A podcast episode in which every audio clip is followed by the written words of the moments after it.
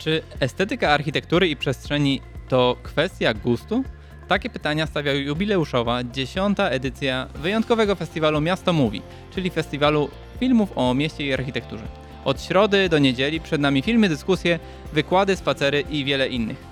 Miasto Mówi startuje już zaraz, dlatego dziś rozmawiamy z Kubą Żarem z Wrocławskiej Fundacji Filmowej. A że rozmawiamy o festiwalu filmowym, to nagrywamy z kina. Z tej strony Akcja Miasto, największy ruch miejski we Wrocławiu, a przy mikrofonie dziś Jakub Nowotarski. Cześć Kuba.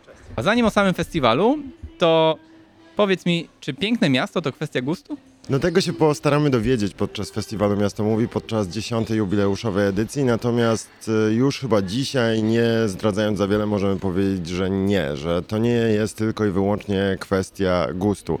Oczywiście, tak jak postawiłeś to pytanie, ono już w sobie ma pewną pułapkę, bo pewnie nie będziemy mówić tylko o pięknym mieście, ale mieście, które się podoba, mieście estetycznym, mieście, które ma wizualność, która ma sens, bo to nie zawsze i nie tylko o piękno chodzi. Piękno jest w oku patrzącego, jak się mówi. E, Natomiast oczywiście na to, jak miasto wygląda, na wizualność miasta wpływa bardzo wiele czynników, nie tylko albo prawie nigdy tylko gust.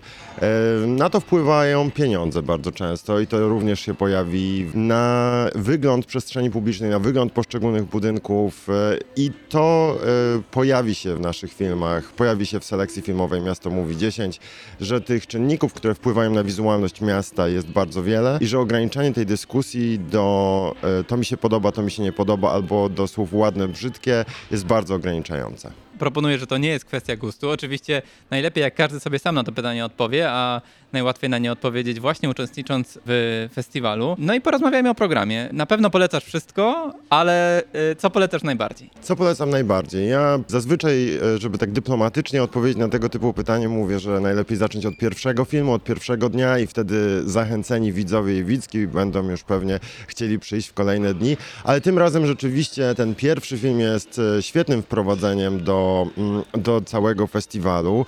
Film Raj Utracony, Historia Znikania. To jest e, film o bibliotece w Birmingham, centralnej bibliotece w Birmingham, e, budynku e, z lat 70., budynku brutalistycznym, który na początku XXI wieku zaczyna być w, w kręgach e, brytyjskiej historii sztuki, historii architektury dostrzegany i doceniany. Jest nazywany najlepszym przykładem brytyjskiego brutalizmu. Natomiast w tym samym czasie rajcy miejscy Birmingham zaczynają przygotowywać się do wyburzania tego budynku i mówią wprost w mediach, że jest to szkaradny obiekt, który szpeci miasto i powinien z jego krajobrazu jak najszybciej zniknąć. I jest to interesujące dlatego, że mm, po pierwsze ten paradoks i te dwa różne spojrzenia, że z jednej strony coś może być arcydziełem architektury, a z drugiej strony może być uznawane za absolutnie brzydkie, szkaradne i może być rugowane z przestrzeni publicznej, ale też e, co jest bardzo interesujące w samym tym filmie, to to, że jego twórca An- Andy Howlett e, podchodzi do tematu zupełnie bez tezy, więc próbuje pokazać go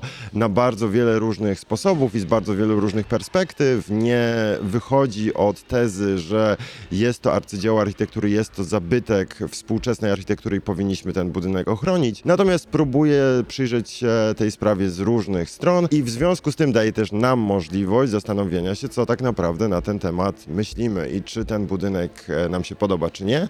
A nawet jeżeli nam się nie podoba, to czy jego wyburzenie jest najlepszą strategią. Brzmi bardzo ciekawie, I szczególnie brzmi bardzo aktualnie. aktualnie. No właśnie, tak od razu mi przychodzi na myśl e, Solpol, bo dyskusja wokół niego właśnie nie była taka. Była bardzo spolaryzowana, e, dwa przeciwległe bieguny. W zasadzie nie było żadnego porozumienia i, i- i próby jakiejś takiej rozmowy, czy warto, czy nie warto. Zanim te dwa spolaryzowane obozy znalazły jakąś platformę do porozumienia, to kapitalista, bo też o kapitale wspomniałeś, rozpoczął wyburzanie. No i dzisiaj już e, Solpolu z nami nie ma. I po filmie otwarcia dyskusja o polskim kontekście. Dyskusja o polskim kontekście tak się składa, że dziesiąta edycja Miasto Mówi e, jest e, w koincydencji czasowej z dziesiątą rocznicą wydania książki Lukier i Mięso. To był taki wywiad Rzeka, kultowa już dzisiaj pozycja, która opowiadała o tym, jak wygląda architektura polska po 1989 roku do właśnie tego 2012 roku mniej więcej, kiedy książka została wydana. I z okazji dziesiątej rocznicy Miasto Mówi zapraszamy cały skład rozmówców z roku 2012, czyli Grzegorza Piątka, Jarosława Trybusia i Marcina Kwietowicza, który wtedy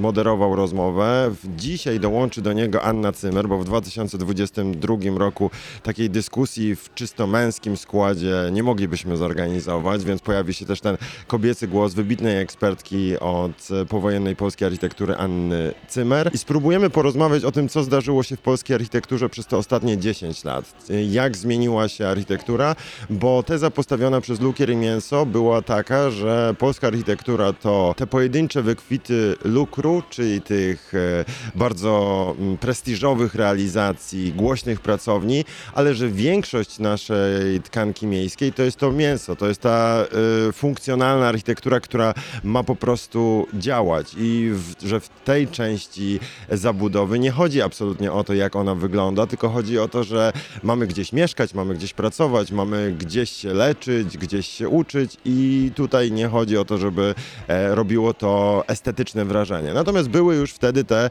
te pozycje e, na liście budynków, które można było nazwać lukrem. No i ciekawi jesteśmy, czy dzisiaj, po 10 latach, te proporcje się na przykład jakoś zmieniły. Mamy pierwszą zachętę. Tak jak mówiłem, festiwal trwa od środy do niedzieli. Wiele filmów, wiele dyskusji po filmach, spacery, wykłady, jest nawet pub quiz. Oczywiście jest też y, część bardziej artystyczna, koncert i, i wystawa w Muzeum Architektury. I do tego chciałem przejść, bo jesteś jej kuratorem. Kuba, co to za wystawa i jaki jest jej związek z tegorocznym tematem przewodnim festiwalu? Scena artystyczna towarzyszyła festiwalowi filmowemu Miasto Mówi od samego początku. Takim hasłem, które podsumowywało program Miasto Mówi od pierwszej edycji było film, debata, sztuka i ta sztuka była bardzo istotnym elementem od samego początku dla nas i podczas dziesiątej edycji do sceny artystycznej wracamy.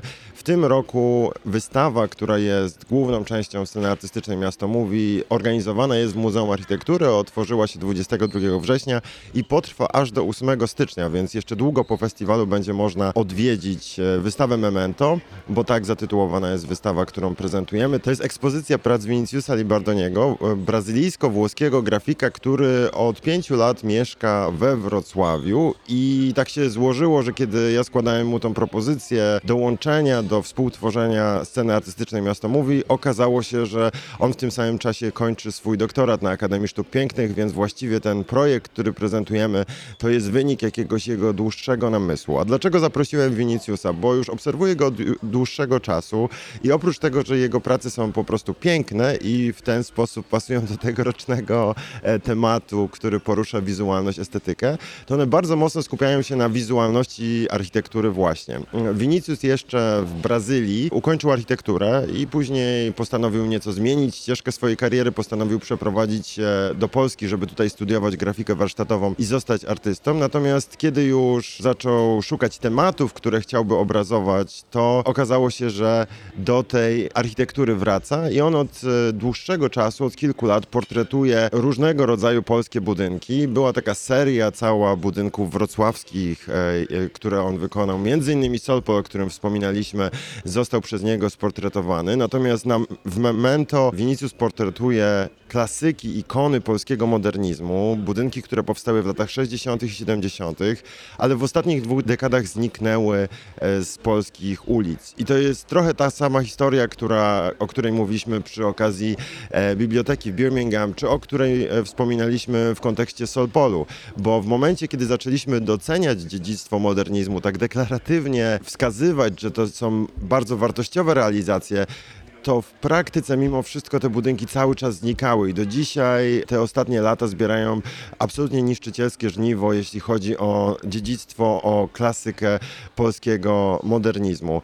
No i te prace Viniciusa to są takie trochę pomniki dla tych budynków, których już na ulicach polskich miast nie zobaczymy. To jest e, nieoczywista selekcja, bo są tam takie bardzo rozpoznawalne sylwetki, jak na przykład brutalistyczny dworzec w Katowicach, jak Super Sam e, w Warszawie, jak e, dom meblowy Emilia. Jest też na przykład dom turysty Miramar w Sopocie, budynek, o którym muszę przyznać, kiedy zaczęliśmy pracować z Viniciusem nad wystawą, ja niewiele wiedziałem. Okazuje się, że jest też sporo takich budynków, które, e, które lokalnie były bardzo istotne i lokalnie były ikonami, ale znikały często w ciągu jednej nocy albo w ciągu kilku dni w bardzo niejasnych okolicznościach. Wystawie towarzyszy, właściwie wprowadza na wystawę nas taki montaż wideo found footage, który ja przygotowywałem, który jest montażem filmów z wyburzania tych budynków, które później można zobaczyć na e, antresoli w Muzeum Architektury. E, I muszę przyznać, że to jest też interesujące, bo co do części tych budynków, tą dokumentację filmową da się znaleźć dość nietrudno. Na przykład jeżeli chodzi o warszawską rotundę, która została oficjalnie mówi się, że przebudowana, ale no umówmy się, ona już dzisiaj nie przypomina tego oryginalnego projektu modernistycznego e, w niczym poza kształtem. To tutaj bardzo łatwo jest znaleźć materiały filmowe. Mieszkańcy Warszawy rzeczywiście e, dokumentowali to, jak ona krok po kroku była rozbierana. Natomiast co do części tych budynków, to absolutnie nie ma żadnych materiałów, również dlatego, że e, te rozbiórki były dokonywane w takich nie do końca często jasnych okolicznościach. Często z zaskoczenia się rozpoczynały i po prostu e, po fakcie orientowaliśmy się, że straciliśmy coś e, cennego.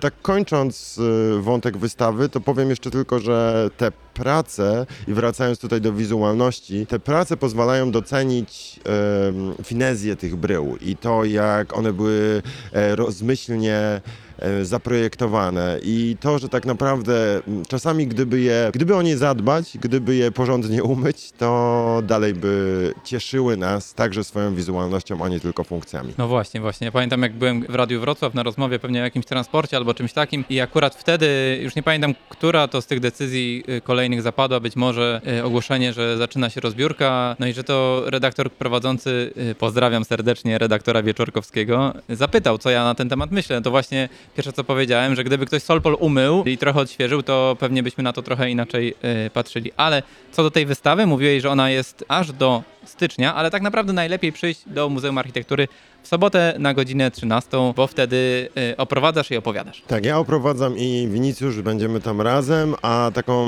no to jest niespodzianka, ale bardzo a propos tego, że to się dzieje przy festiwalu filmowym, bo będziemy nie tylko oprowadzać po wystawie, nie tylko opowiadać o tych pracach, które tam można zobaczyć, ale pokażemy też film Michała Bednarskiego, który przez te ostatnie tygodnie i miesiące towarzyszył Winicjusowi w pracowni i dokumentował to, jak te prace powstawały.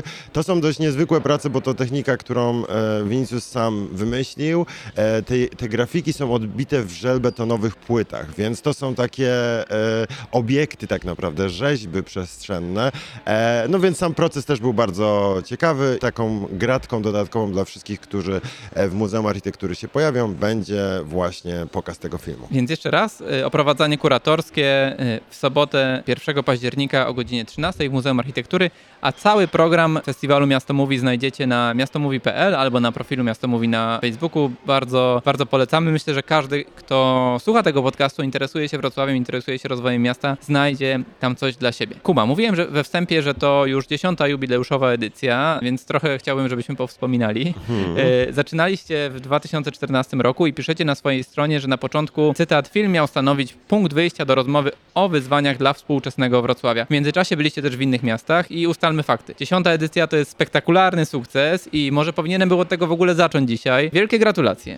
Ale powiedz, e, jak z twojej perspektywy zmieniał się ten festiwal przez lata? No zdecydowanie było tak, że pierwsza edycja miała charakter e, stworzenia takiego neutralnego pola do dyskusji, którego wtedy we Wrocławiu brakowało. Film stanowił punkt wyjścia do rozmowy na temat miasta w przestrzeni, która nie była e, przypisana do żadnego z aktorów tej dyskusji, czyli to nie była przestrzeń ani urzędników, ani aktywistów, to była neutralna przestrzeń, na której spotykaliśmy się wszyscy i wszyscy mogliśmy w tą dyskusję wejść na równych prawach. Pierwsza edycja była taka dość wyjątkowa, bo każdy dzień miał swój własny temat i wszystkie te tematy były bardzo aktualne. Wszystkie te tematy dotyczyły tego, co widzieliśmy w rzeczywistości wokół siebie. E, W ogóle pierwszy dzień, pierwszy dzień pierwszej edycji zaczynaliśmy od debaty o estetyce, więc trochę po dziewięciu latach właściwie wracamy do, e, do tego tematu z pierwszego dnia, ale ta e, dyskusja o estetyce dotyczyła wtedy tego, co później się zadziało, bo dotyczyła estetyki przestrzeni publicznej w kontekście reklam, które w niej funkcjonowały. Wtedy jeszcze nie mieliśmy uchwały o parku kulturowym, e, więc centrum miasta, to ścisłe centrum miasta wyglądało trochę inaczej. I wtedy mówiliśmy właściwie trochę o e, wyrugowaniu tych e, komunikatów reklamowych, tego co zostało nam po latach 90. i zerowych e, z przestrzeni przynajmniej ścisłego centrum. Co ciekawe, będzie mm, jeden punkt programu w tym roku, który się z tą dyskusją rymuje, ale będzie, będzie pewnie wypełniony nieco innymi treściami. Przygotowując się do 10. edycji Miasto Mówi, postanowiliśmy zorganizować Open Call, postanowiliśmy zorganizować otwarty nabór pomysłów na tematy, które w takiej edycji właśnie, edycji poświęconej estetyce mogłyby się pojawić. I niezależnie od siebie, ale my postanowiliśmy je połączyć, bo mówią o podobnych tematach, o podobnych kwestiach, zgłosiły się do nas z pomysłami Natalia Wilepska z Traffic Design z Gdyni i Kalina Zatorska znana z Zina i profilu instagramowego Kontrowersy. I one obie zgłosiły się z pomysłami, które właśnie dotyczyły komunikatów reklamowych, e, komunikatów komercyjnych e, w przestrzeni publicznej. Traffic Design inspiruje się takimi klasycznymi retro e, znakami, które można było znaleźć w przestrzeni publicznej i proponuje ich twórczą reinterpretację, dzisiaj tworząc na przykład szyldy dla sklepów, dla punktów usługowych. Natomiast Kalina Zatorska bardzo docenia ten taki mm, organiczny, wernakularny sposób tworzenia treści. Będziemy na przykład rozmawiać o słynnej już na profilu kontrowersów pani Joli, która jest pracownicą społem, której jedną z zadań, jednym z zadań było e, pisanie ręczne informacji o promocjach, kaligrafowanie informacji o cenach. No i Kalina na przykład sugeruje, że dla tego typu estetyki, czyli takiej estetyki właśnie spontanicznej, powinno być też miejsce w przestrzeni publicznej, że nie powinniśmy starać się zaprojektować wszystkiego tak do ostatniej e, kropki. Więc będziemy mieli jakby taki powrót nie tylko do tego pierwszego dnia w sensie tematu głównego, ale też tematu szczegółowego tej dyskusji. Rozmawialiśmy też wtedy na przykład o nasycaniu centrów miast podczas tej pierwszej edycji, nasycaniu centrum miast galeriami handlowymi. No tutaj żadnego wielkiego sukcesu nie możemy odtrąbić po tych, po tych latach. Nic się tutaj nie udało się tego procesu e, zatrzymać. No ale trzeba przyznać, że na przestrzeni lat zauważyliśmy, bo pytałeś o to, jak się miasto mówi zmieniało, zauważyliśmy, że mm, ta rola, którą przyjęliśmy podczas pierwszej edycji, czyli rola tego neutralnego, neutralnej przestrzeni do rozmowy, nie jest może już y, konieczna, czy nie jest konieczne, żebyśmy to my ją wypełniali, bo, bo wokół nas takie przestrzenie się zaczęły pojawiać. Ta dyskusja o mieście zrobiła się dużo żywsza i prowadzona wieloma kanałami, więc my z każdą kolejną edycją byliśmy coraz mniej interwencyjni, chyba tak. Rozmawiamy z każdą kolejną edycją o jakichś takich bardziej generalnych, generalnych tematach i chyba bardziej niż odpowiadać na wyzwania dzisiaj, chcemy rozmawiać o tym, co może być jutro i zastanawiać się o tym, jakie, jak możemy się przygotować na to, co nadchodzi, jak możemy rozmawiać o tematach, o których jeszcze nie rozmawiamy. No i tak było, e, tak jest przez ostatnie kilka edycji, że staramy się, mm, staramy się przygotowując do programowania Miasto Mówi, wyszukać takie tematy, o których już chcielibyśmy porozmawiać, ale jeszcze nie mieliśmy okazji. Przez te 9 minionych edycji poruszaliście, tak jak sam mówiłeś, wiele różnych tematów, nie tylko architektoniczne, bo było też, pamiętam, o kulturze, o sąsiedztwie, może trochę bardziej urbanistyczne, o,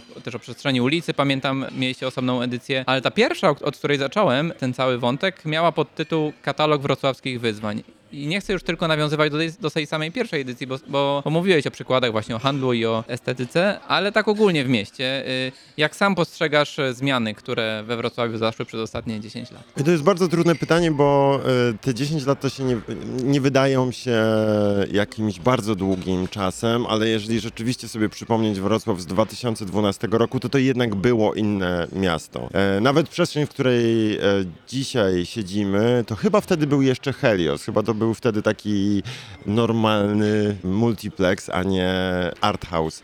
E, Więc e, Wrocław się zmienił diametralnie przez te ostatnie 10 lat. Tutaj bez wątpienia przygotowania do Euro 2012 i Europejska Stolica Kultury, które się zdarzyły po drodze przez te 10 lat, wpłynęły na to, jaki był kształt tych zmian. No bo 10 lat temu nie mieliśmy też tych inwestycji w przestrzenie kulturalne, które, e, które bez wątpienia, którymi dzisiaj możemy się cieszyć, no i to trzeba powiedzieć, no bo niezależnie od tego, jak ocenimy estetykę tej czy innej realizacji, no to niewątpliwie e, możemy się cieszyć, że te przestrzenie powstały albo zostały zrewitalizowane. Ja na co dzień pracuję we Wrocławskim Instytucie Kultury, który siedzibę ma w Barbarze, no i tutaj Barbara w 2012 roku to była wcią- wciąż Barbara, tylko że to był zamknięty obiekt, który tak sobie marniał e, na środku ulicy Świdnickiej, a dzisiaj no to jest bardzo żywa przestrzeń kulturalna, przestrzeń, która ma taki nieoczywisty charakter, bo, mm, bo można tam po prostu przyjść i pouczyć się języka, po, przyjść popracować, taka trochę też świetlica w centrum miasta. Więc dużo, dużo pozytywnych zmian. No ale są niewątpliwie też zmiany na minus i ja myślę, że że Solpol jest trochę symbolem. Solpol nie był inspiracją dla tej edycji, żeby to było jasne, ale niewątpliwie jest dla niej kontekstem, bo to się dzieje teraz na naszych oczach. I Solpol jest trochę symbolem tego, co na minus. To znaczy tego, że na pewne zmiany absolutnie nie mamy wpływu, a ten wpływ jest gdzieś, gdzieś za zamkniętymi drzwiami. I cokolwiek byśmy nie zrobili, to tego właśnie przykładowego Solpolu e, nie uratujemy.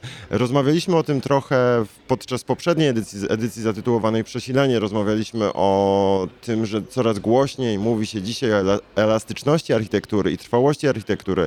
O tym, że nie powinniśmy, nie wiem czy ten termin funkcjonuje, fast architecture, nie powinniśmy traktować e, architektury jak ubrania z sieciówki, które kiedy przestaje być modne, to usuwamy je z szafy. No i trochę jest tak, że ten Solpol jest, mam nadzieję, że jednym z ostatnich przykładów, ale niestety Galeria na Czystej była, to też bardzo niedawny przykład, jeden z ostatnich przykładów traktowania architektury jak czegoś, co właśnie ma się tylko podobać i ma dobrze wyglądać, a kiedy przestaje tym, tą prestiżową lokalizacją i prestiżową formą e, przyciągać dostatecznie majętnych najemców, no to wtedy e, trzeba to usunąć z przestrzeni publicznej i zastąpić, zastąpić czymś nowszym i czymś świeższym. Więc sporo tego typu negatywnych zmian, e, właśnie traktowania architektury jak coś, co można, e, co można usunąć i e, nie będzie to miało żadnych konsekwencji, a dobrze wiemy, że chociażby ekologiczne ma to konsekwencje ogromne. Ja nie jestem też fanem tego, co dzieje się ze Skylinem Wrocławia. Wolałbym, żeby to, gdzie powstają wysokościowce, w tym jednak dość niskim mieście, jego sylweta nie była nigdy jakoś specjalnie wysoka i jedyne, co wystaje ponad dachy Wrocławia, wystawało jeszcze niedawno, to były e, wieże kościołów i katedr. E, Nie jestem fanem tego, że dzisiaj to się dzieje tak, wydawałoby się dość spontanicznie, że mamy, że mamy ten Sky Tower, który... No, takie mamy spontaniczne planowanie przestrzenne. No właśnie, te, tego nie jestem do końca chyba fanem, że, że to się dzieje, wydaje się, w dość niezorganizowany sposób, a jeżeli już wpuszczamy do, e, do miasta wysokościowce, to można by pewnie zaplanować Szczególnie w takim mieście jak Wrocław, które. No, Wrocław nie jest Warszawą e, i jakby nigdy nie będziemy mieli pewnie takiego zapotrzebowania na architekturę wysokościową jak stolica, więc można by zaplanować pewnie, gdzie w tym mieście te wysokościowce mogłyby się e, znaleźć, żeby, żeby później nie mieć takiego chaosu jak Teraz trochę na, na przykład trochę mi przeszkadza, co się dzieje w okolicach e, placu Jana Pawła II, muszę przyznać, bo to jest dość dziwaczne, że nagle wyrosła tam taka wysokościowa zabudowa, która chyba do tego, do tego punktu w mieście, oprócz tego, że to jest bardzo dobra lokalizacja, więc rozumiem jakby czemu inwestor może chcieć to zrobić, ale do tego punktu w mieście zdecydowanie nie pasuje. No ale tak to właśnie planiści zapisali w studium i konsekwencją jest właśnie to, że deweloper potem stawia dwie, dwie duże wieże. Ja nie mam przekonania, że to była bardzo zorganizowana odpowiedź, ale, ale tak, jak tak spontanicznie mam się zastanowić nad tym, co się udało, a co się nie udało, to myślę, że dużo się udało i że to miasto pod wieloma względami jest ciekawsze niż było 10 lat temu, poza wszystkim, po prostu ciekawsze, bardziej interesujące, ale trochę się przy okazji też zdarzyło takich rzeczy, z którymi będziemy sobie musieli radzić przez dekady i jakby i to jest, to są błędy, których nie da się naprawić e, jednym ruchem. A gdyby ktoś z Was chciał na ten temat porozmawiać z Kubą Żarym, e, zgodzić się albo nie zgodzić, to najłatwiej go spotkać na, na nadchodzącym festiwalu. Początek w środę, 28 września. Festiwal trwa do niedzieli. Program na miastomówi.pl. Bardzo bardzo łatwo znajdziecie mnóstwo wydarzeń bardzo ciekawych. Każdy e, słuchacz tego podcastu znajdzie coś dla siebie, a nas, czyli Stowarzyszenie Akcja Miasto, znajdziecie na Facebooku, Twitterze, Instagramie. Zapraszamy też na naszą stronę akcjamiasto.org, gdzie możecie więcej poczytać o tym, co robimy i do nas dołączyć. Rozmowy przeprowadził Jakub Nowotarski, produkował Arek Młynarczyk, a naszym gościem był dzisiaj Kuba Żary z Wrocławskiej Fundacji Filmowej. Dziękuję bardzo za zaproszenie. Dzięki.